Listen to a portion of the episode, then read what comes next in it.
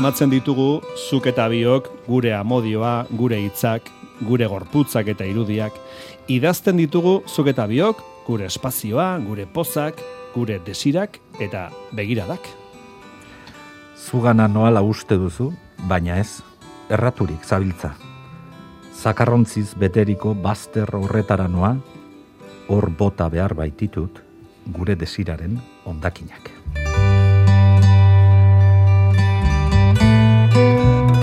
Ricardo Arregi Diaz de Herediaren bi poematxo izan dira hauek josu, bitan esan beharra liburukoak ez da. Bai, liburu zoragarri bat, poeta handi batek, garaieraz eta kalitatez, 2008an Albernania argitaletxarekin kaleratutakoa.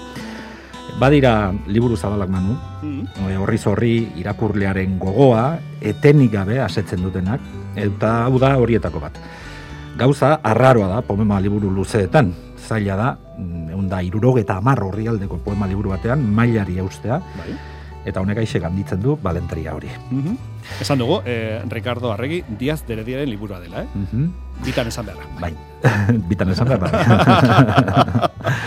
Liburu honek badu mediterraneoaren eh, kresalusan bat, bidaiaria da, kultua da, mm kultura klasikoaren eh, goreslea, renazimentuko topiko literario batzuk agertzen dira. Bezakit topiko literarioak amaika dira, ezta? Adibidez, Carpe Diem, aprobetsatu eguna. Bai, egia.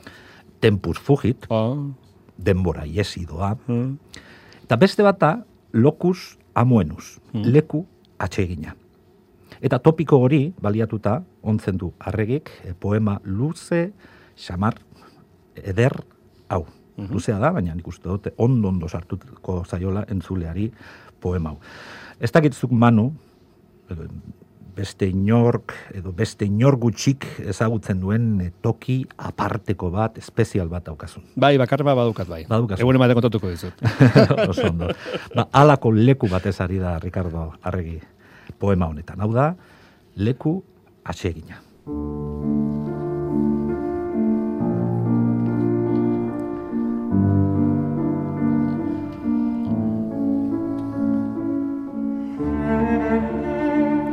Leku atsegin bat, benetakoa, ezagutzen dut nik mundu honetan.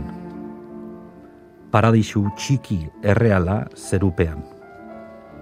Ez dizuet esango non dagoen leku atsegina izateari utziko bailioke orduan Nik bakarrik gainera ez nuke orain erraz aurkituko. Bertan errekatsuaren doinua, aizearena eta txoriena, airean dabiltza harmoniatxu, erle eta beste intsektuekin batera.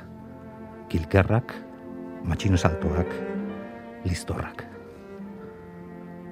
Bada gorputzen atxedenerako itzal eskuzabala. Arriak eta belardi txikiak etzanda eserita egoteko malda ia vertikalek babesten dutenez, eremu sakratua da baratze itxia, amodioak aukeratu dituen entzat. Badira gereziak mota askotako sagarrak ere, udareak, pikuak, melokotoiak eta okaranak, mahatsak, korputzaren gosea asetzeko. Leku hau ezpaitu naturak bakarrik egin, eskuak lanean ibili dira gogotsu milaka usain gozok birikak ezti harritzen dituzte, zoro bihurtzeraino arnasa hartzean. Eskuek dena ukitu nahi dute, arantza, belusa, larruazala, materiaren errealitateaz, seguru egoteko. Liburu zaharretan irakurri nuena, fantasiatzat jo izan dut beti. Orain errenditurik, sinetxi egin behar dut badela munduan leku atsegin bat, benetakoa. Atetik irtetean, nostalgiak bere lana hasi du. Botetan dudan hautsa zainduko dut, azken oroitzapena luzaro gordetzeko. Burua makurtzen badut, ez da tristezia. Hauts, urrezkoan bilatzen ari naiz, leku atseginaren arrastoa.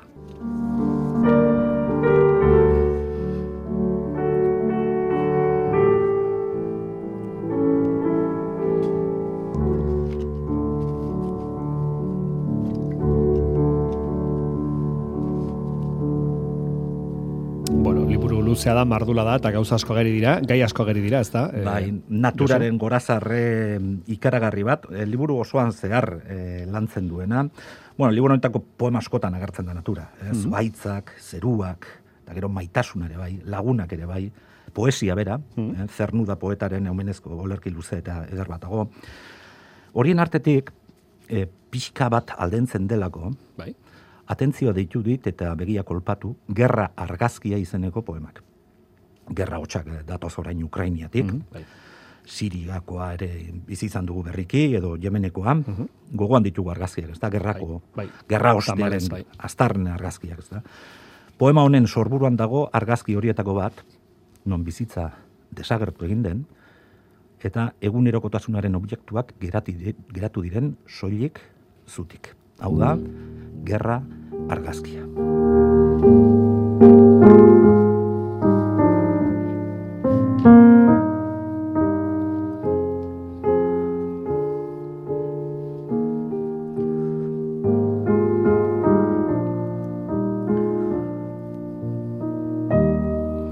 Jendea hildute bomba horiek.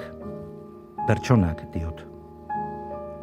Aragia uskorraten frogarik behinena begiak urtu egin dira, odola isuri.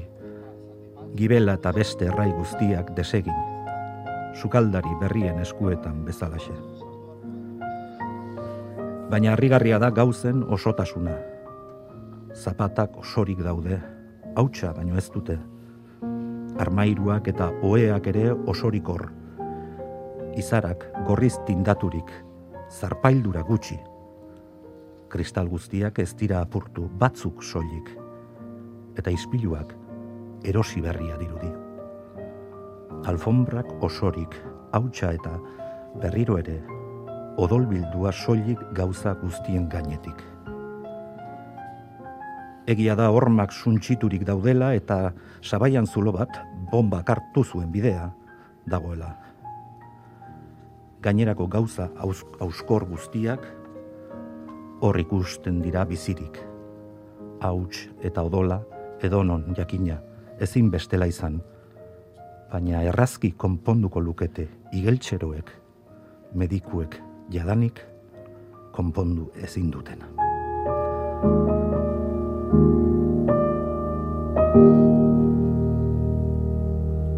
Gerra argazkia e, gozo amaituko dugu. Bai, gozo amaituko dugu.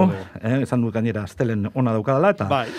bueno, maitasunak borborka egiten dut, eh, eta jauzi, e, liburu honen horrietatik, irakurlearen begietara, gizonen arteko maitasuna da, sexua dago, desira eta amodi osteko utxunea dago, mm eta desira berriz, eta maitasuna berriz. Guztien artetik, olerki zoragarri asko ditu, guztien artetik bat aukeratu dut. Ezin hobeto jasotzen duelako poesiaren ala, indarra. E, eta protagonista kolore bat, kasu honetan urdina, azula. Eta poemonek ez dauka izenbururik. Izenbururik. Hau da.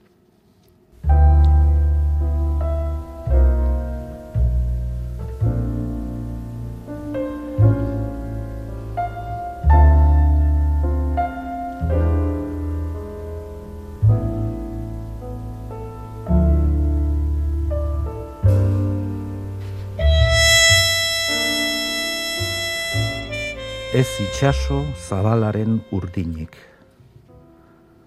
Ez da zeru azul urdinik ere. Ez lore urdin exotikoena. Ez eta azul kobaltorik ere. Ez diamante azul preziatuena. Ez urdin metilenozkorik ere. Ez da handikien odol azulik. Karramarro tropikalen urdinik ere ez. zure izter sendoak inguratzen, babesten dituzten praken urdina, azul nekazari miragarria. Langileen urdin izerditsua da gehien maite dudan kolorea. Lur gaineko azulik ederrena.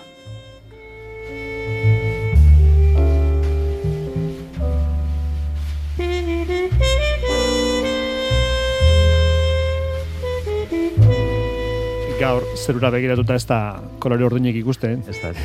Laiotuta dago zerua, baina bueno, gaur kolore urdin hori Ricardoren poesiaren bitartez jarri dugu, eh? Nori da? Ricardo Arregi Diaz de Heredia eta haren liburua bitan esan beharra. Josu, datorren astean Gehiago. poesia gehiago. Aztena pasan.